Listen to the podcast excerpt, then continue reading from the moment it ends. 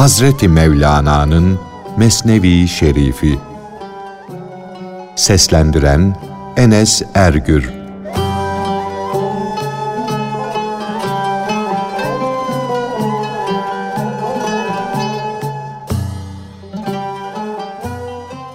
Kalplerinde hastalık olanlara gelince Kur'an onların kalplerindeki kötülüğü arttırır.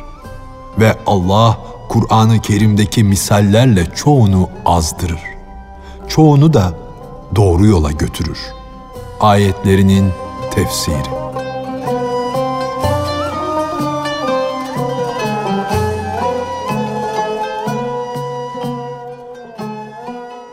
Çünkü hayvani ruha sahip olan kişinin yani hayvanlıkta kalmış insanın kötü huylarını değiştirmeye, nefsi ile savaşmaya istidadı vardı. Ama nefsani arzularına uyması yüzünden bu istidat yok oldu gitti. Halbuki bildiğimiz hayvanın nefsi ile savaşıp huylarını değiştirmeye istidat ve kabiliyeti olmadığı için hayvanlıkta kalmasının özrü meydandadır. Hayvanlıkta kalmış insanın hakikat kılavuzu olan istidadı gittikten sonra o insan hangi gıdayı yerse yesin, o gıda eşek beyni olur ve onu sersem yapar. Zihne açıklık ve uyanıklık veren beladür adlı ilacı bile alsa afyon yerine geçer. Onun kalp illetini ve akılsızlığını arttırır. İnsanların bir kısmı da vardır ki içlerinde daima olarak savaş vardır. Nefisleri ile akılları çarpışır durur. Bunlar bir bedende yarı insan, yarı hayvan olarak ömür sürerler. Bu yüzdendir ki bu kısımda bulunan insanların ahirleri yani hayvani ruhları, hayvanlıkları ruh aleminden gelen evvelleri yani tertemiz olan insani ruhları, insanlıkları gece gündüz savaşmaktadır.''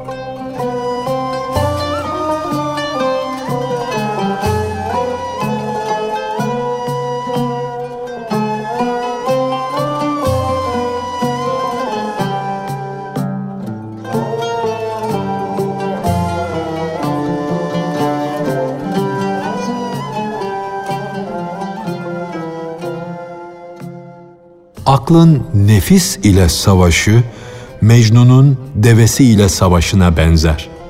Mecnun'un sevdası Leyla'yadır. Devenin sevdası ise yavrusuna. Nitekim Mecnun da dedi ki, bindiğim devenin sevdası arda gitmek. Yani onun istediği geride bıraktığı yavrusuna. Benim sevdam da ileriye, Leyla tarafınadır.'' İkimiz de sevdalıyız ama sevdalarımız ayrı.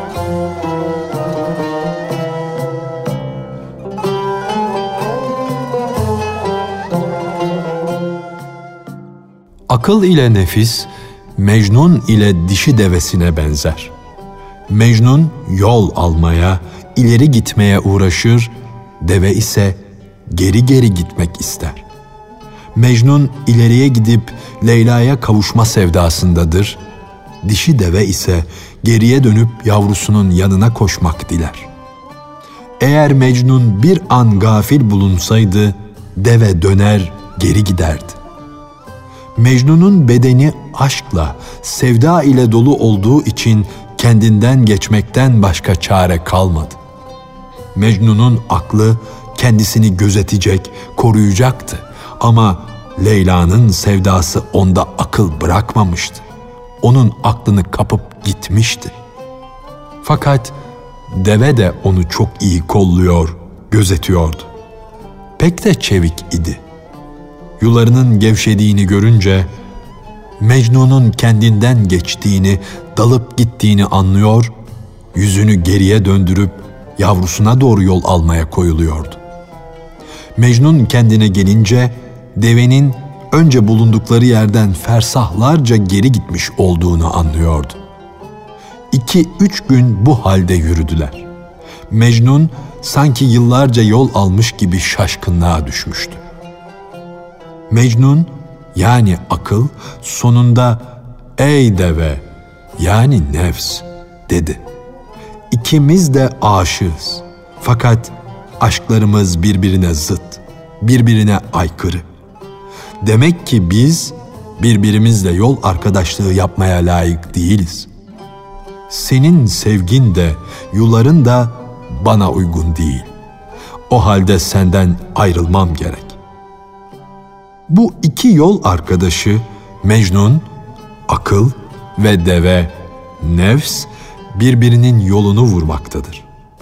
Onun için bedenden inmeyen ve onu yani ten devesini terk etmeyen ruh yolunu şaşırır. Senin ruhun arşın yani hakkın ayrılığı ile yoksulluğa düşmüş. Bedenin dikenlere yani nefsani duygulara kapıldığından bir deveye dönmüştür. Ruhun yücelere yükselmek için kanat çırpmada, bedense pençeleri ile yere sarılmakta, ondan ayrılmak istememektedir. Ey doğduğu yeri ölürcesine seven, oraya yapışıp kalan deve, yani beden. Sen benimle bulundukça ruhum gerçek sevgiliden, Leyla'dan uzak kalıyor. Musa kavminin yıllarca Tih çölünde kaldığı gibi benim de seninle bu hallerde ömrüm geldi geçti. Ey beden, bu yol hakka kavuşmaya iki adım kadar yakındı. Fakat sen araya girdin, beni şaşırttın.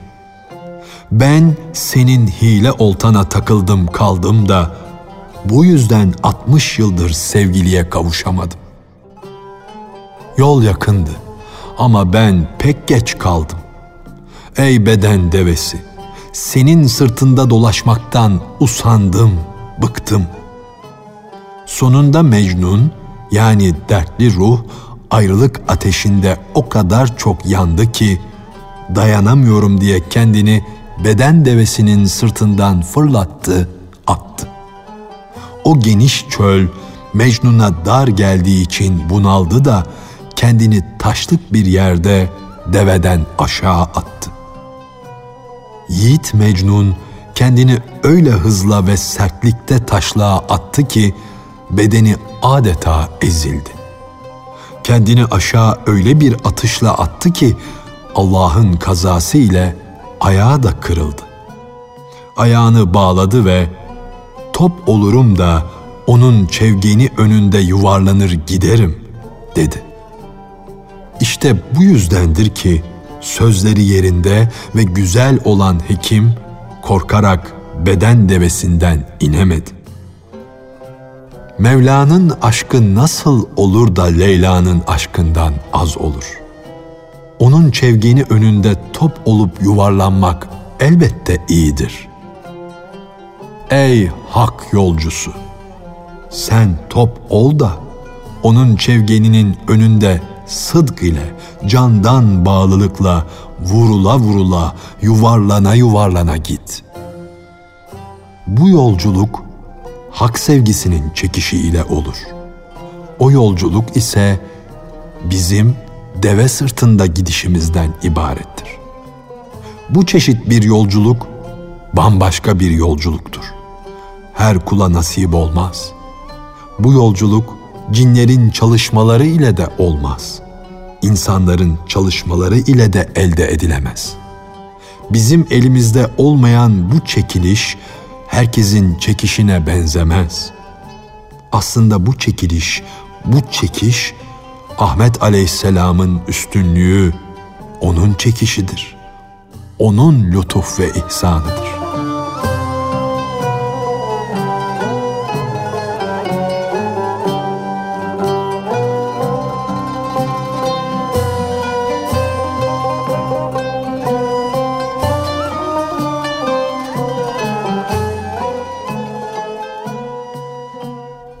beden mektubunu da, gönül mektubunu da okumak kolay değildir.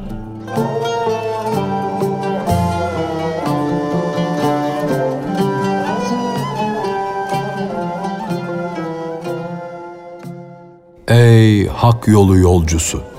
Senin bedenin bir mektup gibidir. Ona dikkatle bak. Padişaha, yani hakka layık olup olmadığını anla da onu ondan sonra yerine gönder.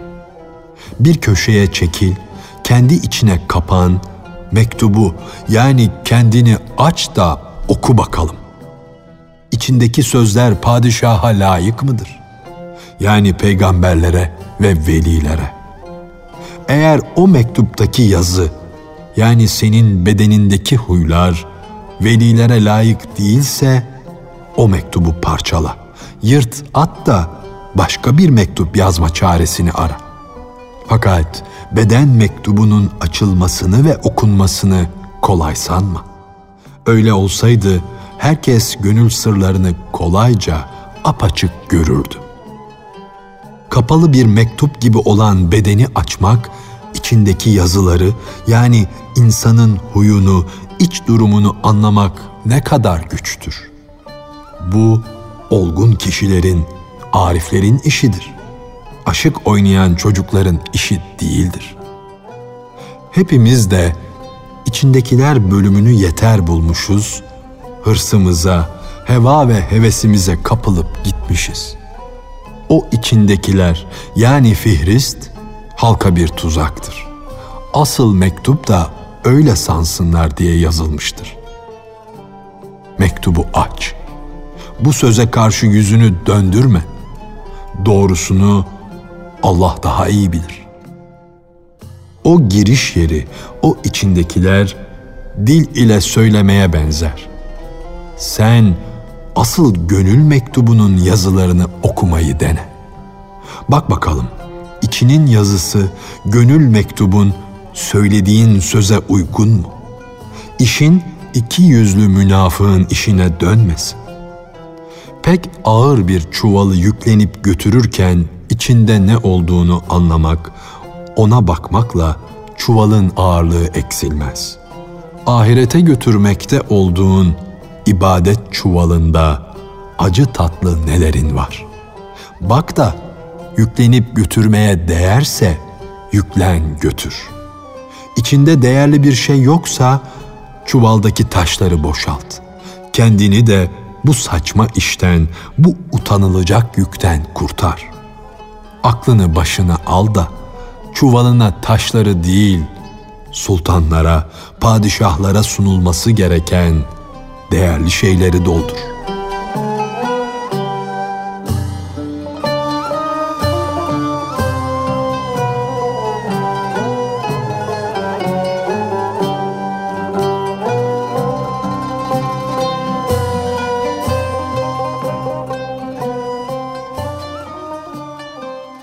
Kocaman sarıklı bir din aliminin hikayesi.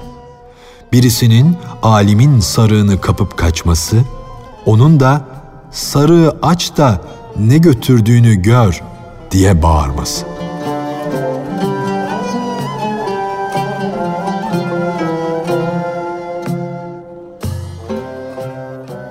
Bir fakih yani din alimi bez parçalarını toplamış sarığının içine doldurmuştu.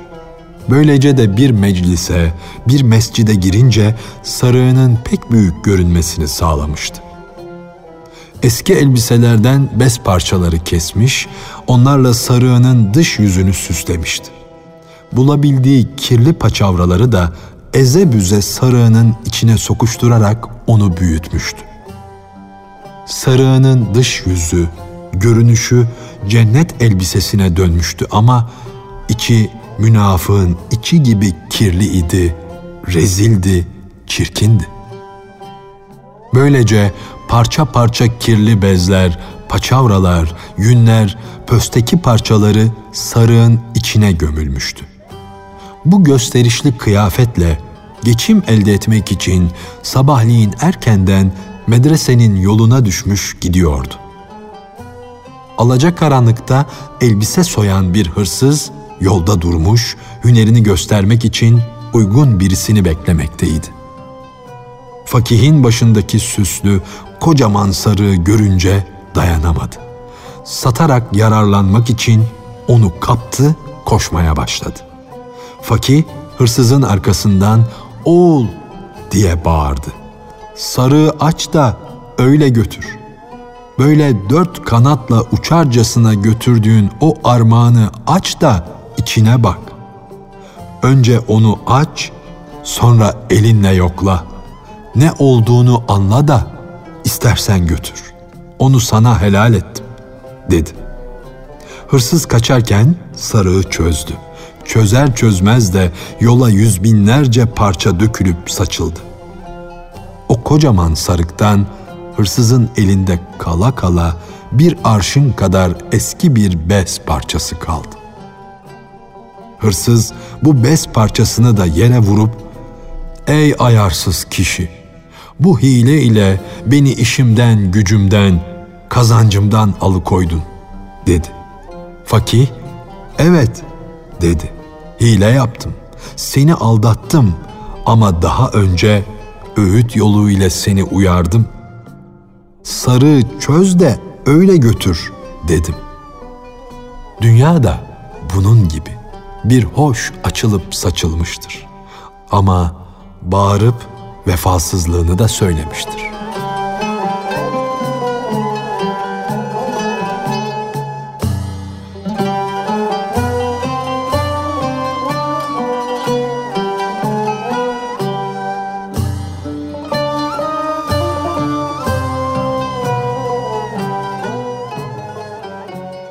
dünyanın hal diliyle dünya ehline, dünyaya tapanlara öğüt vermesi, kendisinden vefa umanlara vefasızlığını göstermesi.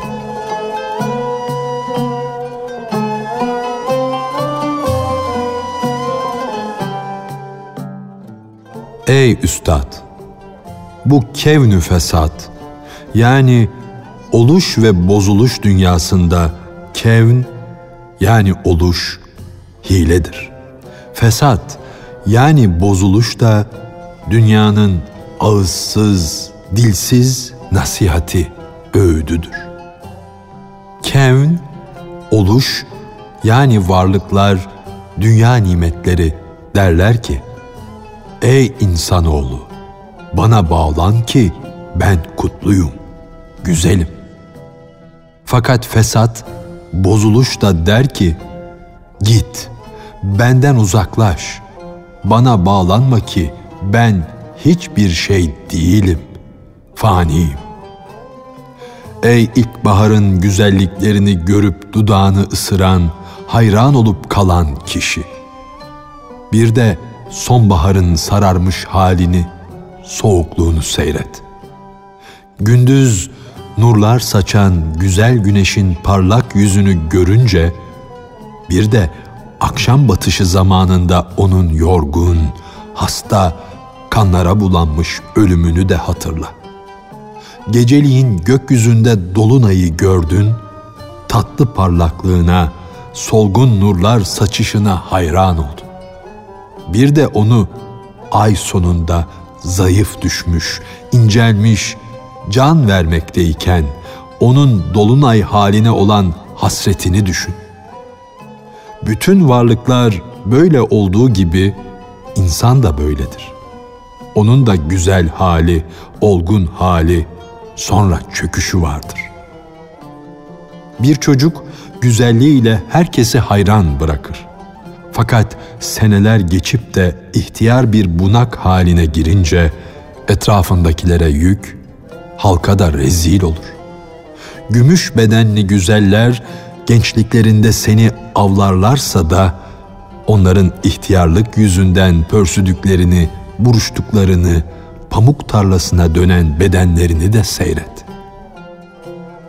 Ey yağlı ballı, nefis yemekleri görüp onlara imrenen, kalk, ayak yoluna git de o yemeklerin artıklarını gör.''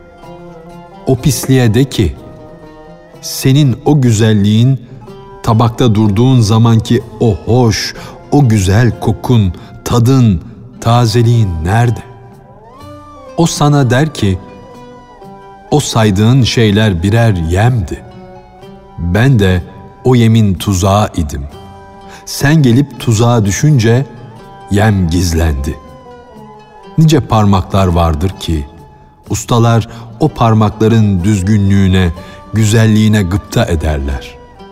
Ama zaman gelir, herkesin beğendiği o parmaklar titremeye başlar, iş yapamaz olur.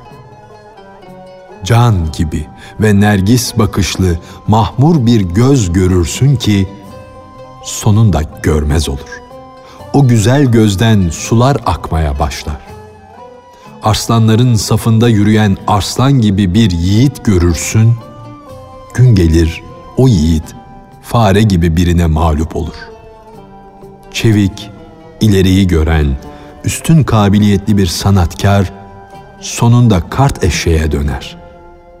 Misk kokuları saçan, akıllar çelen kıvırcık saçlar sonunda boz bir eşeğin kuyruğuna döner. Bütün bu şeylerin ilk güzelliklerine, hoş hallerine bak, sonra da onların nasıl bozulduklarını, ne hallere girmiş olduklarını gör. Dünya hileleri ile beni aldattı. Yoksa benim aklım onun tuzağından kaçabilirdi. Demeye kalkışma. Ey boynundaki altın gerdanlıkla, sırmalı kayışla övünen, kendini üstün gören. Bir gün gelir ki o gerdanlık boynuna takılan kölelik zinciri olur. Böylece dünyanın bütün cüzlerini say, dök, hepsinin de önceki haliyle sonraki halini göz önüne getir. Kim işin sonunu daha iyi görüyorsa o daha mutludur. Kim daha fazla dünya ahirini görür, ona bağlanırsa o da Allah'tan çok fazla uzaktır. Güzelliği ile övünen, ay gibi parlak olan her güzelin yüzüne bak. Fakat önceki halini gördükten sonra sonunu da düşün.